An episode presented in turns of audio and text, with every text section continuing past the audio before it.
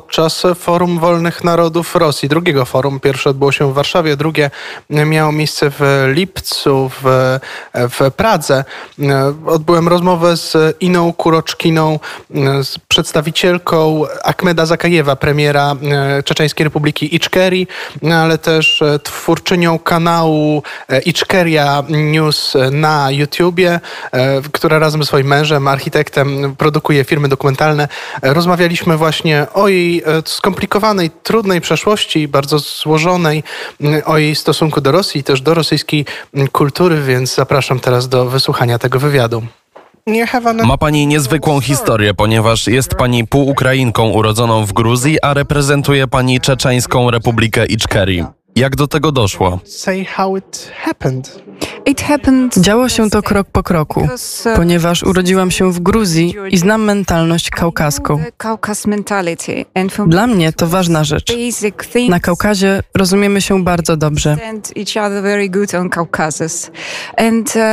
Kiedy miałam 16 lat, w Tbilisi doszło do znanej tragedii 9 kwietnia 1989 roku,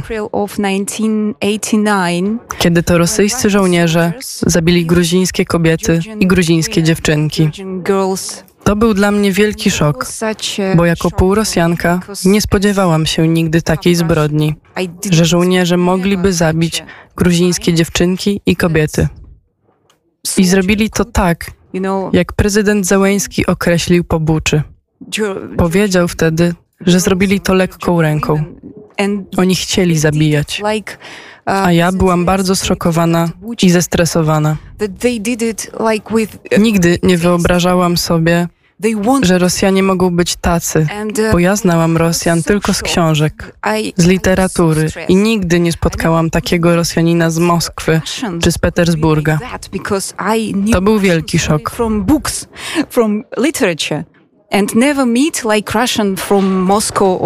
A po upadku ZSRR mieliśmy naszego pierwszego prezydenta, Zwiada Gamsachurdię osobę, która zachowała tę pamięć historyczną od czasów rewolucji, od czasów Imperium Rosyjskiego. Revolution since Russian Empire. It was like Polish people know Polacy, podobnie jak Gruzini, wiedzą, czym jest Rosja.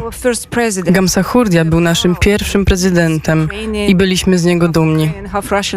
I ja, jako pół-Ukrainka i pół-Rosjanka, byłam dumna z mojego pierwszego prezydenta, Zwiada Gamsachurdi.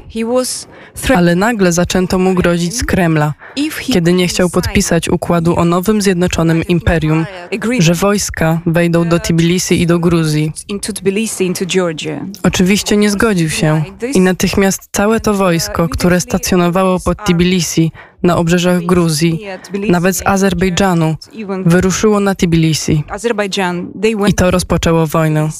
To nie była wojna domowa.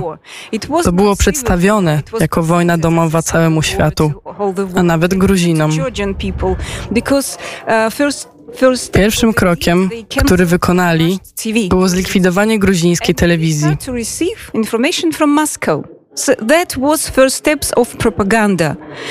Uh, Wtedy zaczęliśmy otrzymywać informacje z Moskwy. To były początki propagandy. I nawet bardzo znani dziennikarze z Moskwy, którzy przedstawiali się jako liberałowie i demokraci, przyjechali do Gruzji i zaczęli uprawiać swoją propagandę. Mówili, że zwiat Gamsachurdia był szalony, był nacjonalistą, był despotą, więc to była propaganda.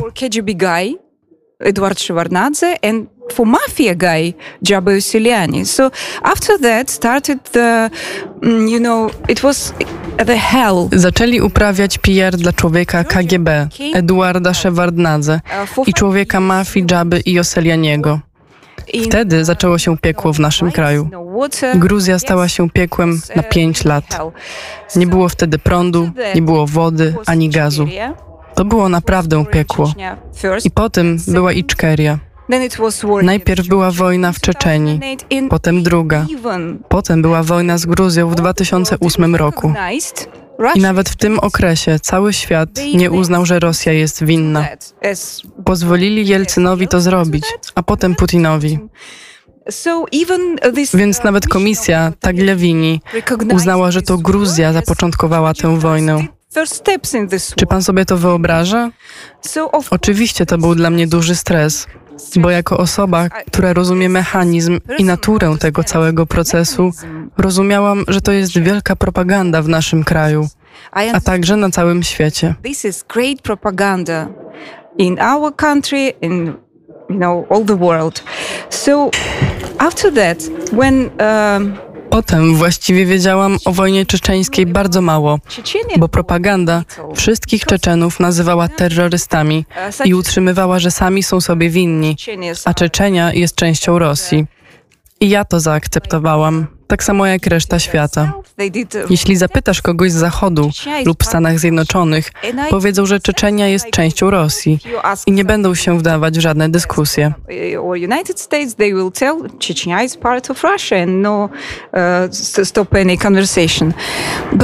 Jednak pan Landsbergis po raz pierwszy powiedział mi prawdę na jakimś forum bo znał Gamsachurdię. I jak zrozumiałam prawdę, to zaczęłam pytać znajomych Rosjan, co o tym sądzą.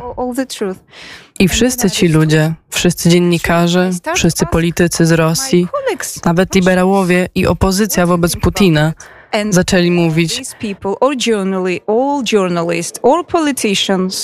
from Russia, even liberals, even opposition to Putin, start to tell, no, no, no. Nie, Czeczeni to terroryści. No, no, no, Nie, Czeczeni to bandyci. I to doprowadziło mnie do zrozumienia od samego początku, co się dzieje w Czeczeni. Więc to był taki sam proces jak teraz na Ukrainie. I w tamtym czasie Federacja Rosyjska zaatakowała Iczkerię. To było niezależne państwo, a ja zaczęłam tworzyć o tym filmy. Robiłam to jakoś przez dwa lata, praktycznie codziennie. Szukałam, drążyłam, zbierałam niezbite fakty. Byłam po prostu zszokowana. Wtedy poznałam pana Ahmeda Zakajewa, z którym zaczęłam współpracować. On zaproponował mi rolę swojego przedstawiciela. Jest to bardzo ważne, by nawiązywać relacje między innymi narodami, bo społeczeństwo czeczeńskie było skoncentrowane na sobie. A na pewno trzeba było podjąć jakieś kroki, żeby się zintegrować, żeby to wyjaśnić, żeby zmiażdżyć całą tę propagandę, te stereotypy o Czeczenach. Od jakiegoś czasu mieszka pani w Rosji. Również pani mąż jest Rosjaninem. Co pani sądzi o Rosjanach, o ich mentalności? Jak to możliwe, że państwo funkcjonuje w taki sposób? To było bardzo bardzo dramatyczne, bo byłam jak uchodźca z wojny gruzińskiej.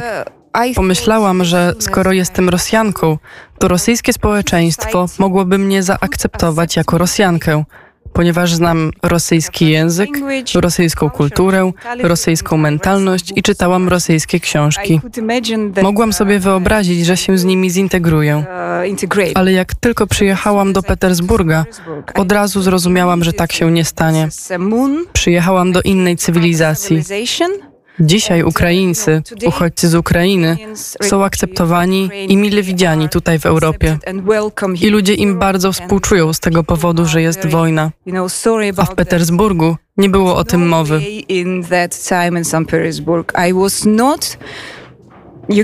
Tam ludzie nie mieli empatii. Śmiali się z mojego gruzińskiego akcentu i z mojej sytuacji. Traktowali mnie jak sadyści, naprawdę. I nigdy nie potrafiłam wytłumaczyć dramatu, który wydarzył się w Gruzji, kiedy Rosjanie zabili gruzińskie dziewczynki i kobiety. Nigdy nie potrafiłam tego wytłumaczyć, a oni mnie nie rozumieli. To była inna cywilizacja. Rozumiem, że oni są inni, zupełnie inni i nigdy tego nie zrozumieją. Jedyną osobą, która była inna, był Andrzej, którego poznałam. To była jedyna osoba, która wiedziała o zwiadzie Gamsahurdi i o wojnach czeczeńskich. Właściwie on był osobą, która tłumaczyła to trochę inaczej, bo ja jednak byłam trochę pod wpływem tej rosyjskiej propagandy, a Andrzej jest taką osobą, nie wiem dlaczego, czy jest mądry, czy może ma takie wspomnienia, bo jego dziadek został zabity, rozstrzelany w siedzibie KGB. To tak zwany Balszoj Dom przy licyjnym prospekcie w Petersburgu. Myślę, że to jest niezwykłe i wyjątkowe. Był znanym architektem i prowadził bardzo udany biznes. Potem współpracowaliśmy z jednym włoskim biznesmenem i otworzyliśmy swój własny biznes. To było bardzo udane i bardzo dobre, ponieważ Andrzej naprawdę jest utalentowanym architektem. Ale gdy tylko Rosja zaatakowała Gruzję w 2008 roku, zdecydowaliśmy się porzucić interesy z tym Włochem i urwać wszystkie relacje. Zabraliśmy naszą rodzinę i wyjechaliśmy do Europy. Taka jest ta historia. Czy wciąż utrzymuje Pani kontakt z przyjaciółmi z Rosji? Uh, no, Nie. Po 2014 roku, kiedy stworzyliśmy nasz kanał i naszą produkcję filmową, ponieważ przestaliśmy pracować w branży architektonicznej, wtedy, gdy już nie mogliśmy wyjaśnić ludziom, co się stało w 2008 roku, nie potrafiliśmy im tego wyjaśnić. A ci ludzie nie rozumieli. Nawet nawet w Rosji po prostu się śmiali i mówili: O, Gruzinka, do zobaczenia, wracaj z powrotem do Gruzji. W 2014 roku postanowiliśmy zacząć coś wyjaśniać, bo to znów się powtórzyło. Ludzie się śmiali: O, ci Ukraińcy są tacy zabawni i ta historia z Ukrainą, jak zwykle. To jest właśnie rosyjska mentalność. Oni się śmieją z innych narodów. Taka jest ich natura. A my zaczęliśmy robić filmy o Ukrainie, wyjaśniając, czym jest agresja Rosji, że Rosja to państwo terrorystyczne. Zaczęliśmy to wszystko tłumaczyć. Czy uważa Pani, że ponowne zintegrowanie Rosji z resztą świata po wojnie byłoby możliwe? No, Nie, nigdy. Ich mentalność jest nieludzka. Mogę to śmiało powiedzieć, bo mam takie doświadczenie. Znam ludzi na Kaukazie, ludzi w Europie, w Polsce, w Czechach, we Włoszech i w Stanach Zjednoczonych. Oni wszyscy są ludzcy. W Rosji tak nie jest. Tam ludzie mają bardzo dziwną mentalność, antyludzką, sadystyczną. Trzeba podchodzić do nich jak do ludzi, którzy są pod ogromnym wpływem propagand, może jak do nazistów. Ale nawet z nazistami była jakaś szansa na osiągnięcie rezultatu. A tu nie ma żadnego rezultatu. Huge propaganda and maybe like Nazis, but uh, even with Nazis, it was uh, some chance to get result. Jedyną szansą jest upadek państwa, bo jest ono bardzo niebezpieczne.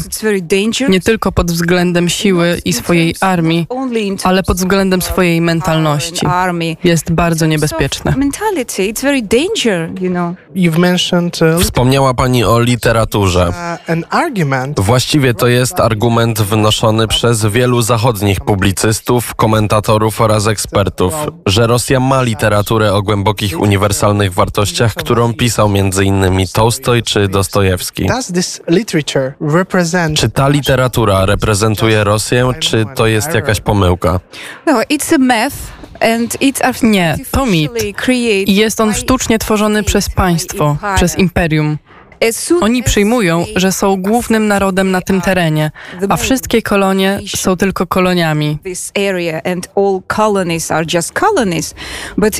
Ale jeśli zagłębisz się w kulturę ukraińską, to znajdziesz zupełnie inną literaturę, zupełnie inną kulturę, bardziej bogatą. Ale oni byli kolonią tego imperium, bez szans na rozwój wielkiej kultury. A teraz wyobraźmy sobie, że to Ukraina jest centrum imperium.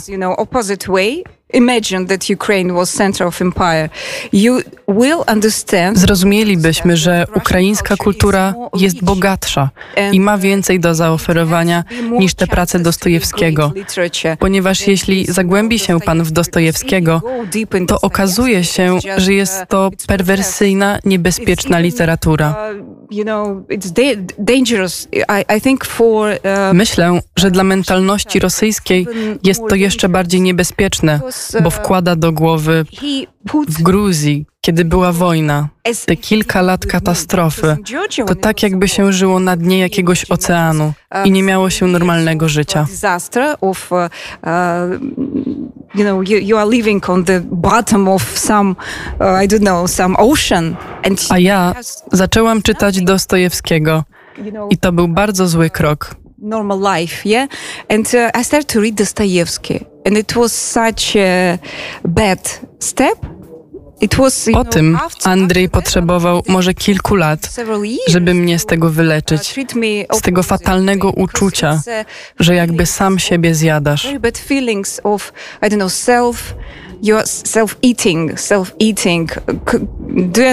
Rozumie pan, o co mi chodzi? To jest nienormalne, niezdrowe odczucie i neurotyczne. Ponieważ jeśli podpiąłby wszystkie te narracje do bardzo chorej osoby, to dostanie pan idiotę Dostojewskiego. To nie ma żadnego związku z humanizmem. To jest zło. You get Dostojewski's idiot. It's no connection to humanism. No connection. It's illness. Collapse of Russia. Upadek Rosji i co dalej? And next will be very Dalej będzie łatwiej, bo w tym imperium mieszkają różne ludy. Rozumiemy, że oni są, że mają różną tożsamość. Oni są Ukraińcami, są Finami, Włochami, Żydami. To jest tożsamość. Nie ma to związku z żadną rosyjskością, bo rosyjskość to sztuczne pojęcie. Uh, czy uważa pani, że bojkot rosyjskiej kultury to dobra czy zła rzecz? To nie jest bojkot. Pozwólmy być im dumnymi ze swojej literatury i kultury, bo i tak będą się nią chełpić tylko między sobą. Bo teraz, co widzę w sieciach społecznych, na przykład Ukraińcy, Gruzini, po prostu nie zwracają na to uwagi. Mówią, nie, nie będziemy już tego dłużej słuchać, oglądać. Więc niech Rosjanie sobie o tym rozmawiają między sobą, bo już nikt nie będzie słuchał ich imperialnych twierdzeń. Uh, Mieszka pani tutaj w Pradze. Co Czesi myślą o wojnie na Ukrainie, o Rosji? Czesi mają pamięć historyczną o 1968 roku. Tworzą analogię. Rozumieją, co to znaczy rosyjskie wojsko. Wszyscy już to zrozumieli. Więc oczywiście są po stronie Ukrainy. Pomagają Ukrainie. Oczywiście zdarzają się jakieś incydenty. Są szorstcy wobec Rosjan, ale to inna mentalność i inna natura. Nikt nie chce być niemiły wobec kogoś, nawet wobec Rosjan. Tylko jeśli Rosjanie pysznią się swoim wspaniałym imperium, jeśli to zrobią, to oczywiście spotkają się z odpowiedzią Czechów, czeskiego narodu. Ale poza tym cały świat może żyć w pokoju i w normalnych stosunkach. No chyba, że przyjdzie Rosja. Czy uważa pani, że rosyjska mentalność i rosyjska kultura jest częścią europejskiej kultury i europejskiej mentalności? Uh, mentalność zdecydowanie nie. Myślę, że kultura po części tak. Są zapożyczenia z kultury europejskiej, jak architektura czy sztuka. Wzięli sporo z Włoch, z Europy, z Niemiec i z Polski, wzięli też z Francji. Ale jest to sztuczne i wzięte z innych kultur. To w przypadku kultury, ale nie mentalności. Mentalność jest azjatycka.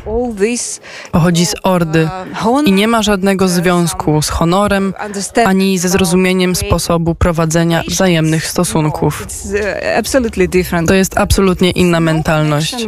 Nie ma żadnego związku z europejską. Dziękuję bardzo. Dziękuję bardzo.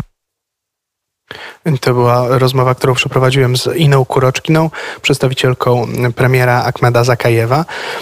Głosem moim był Miłosz Duda, a głosem Iny Kuroczkiny Joanna Reiner.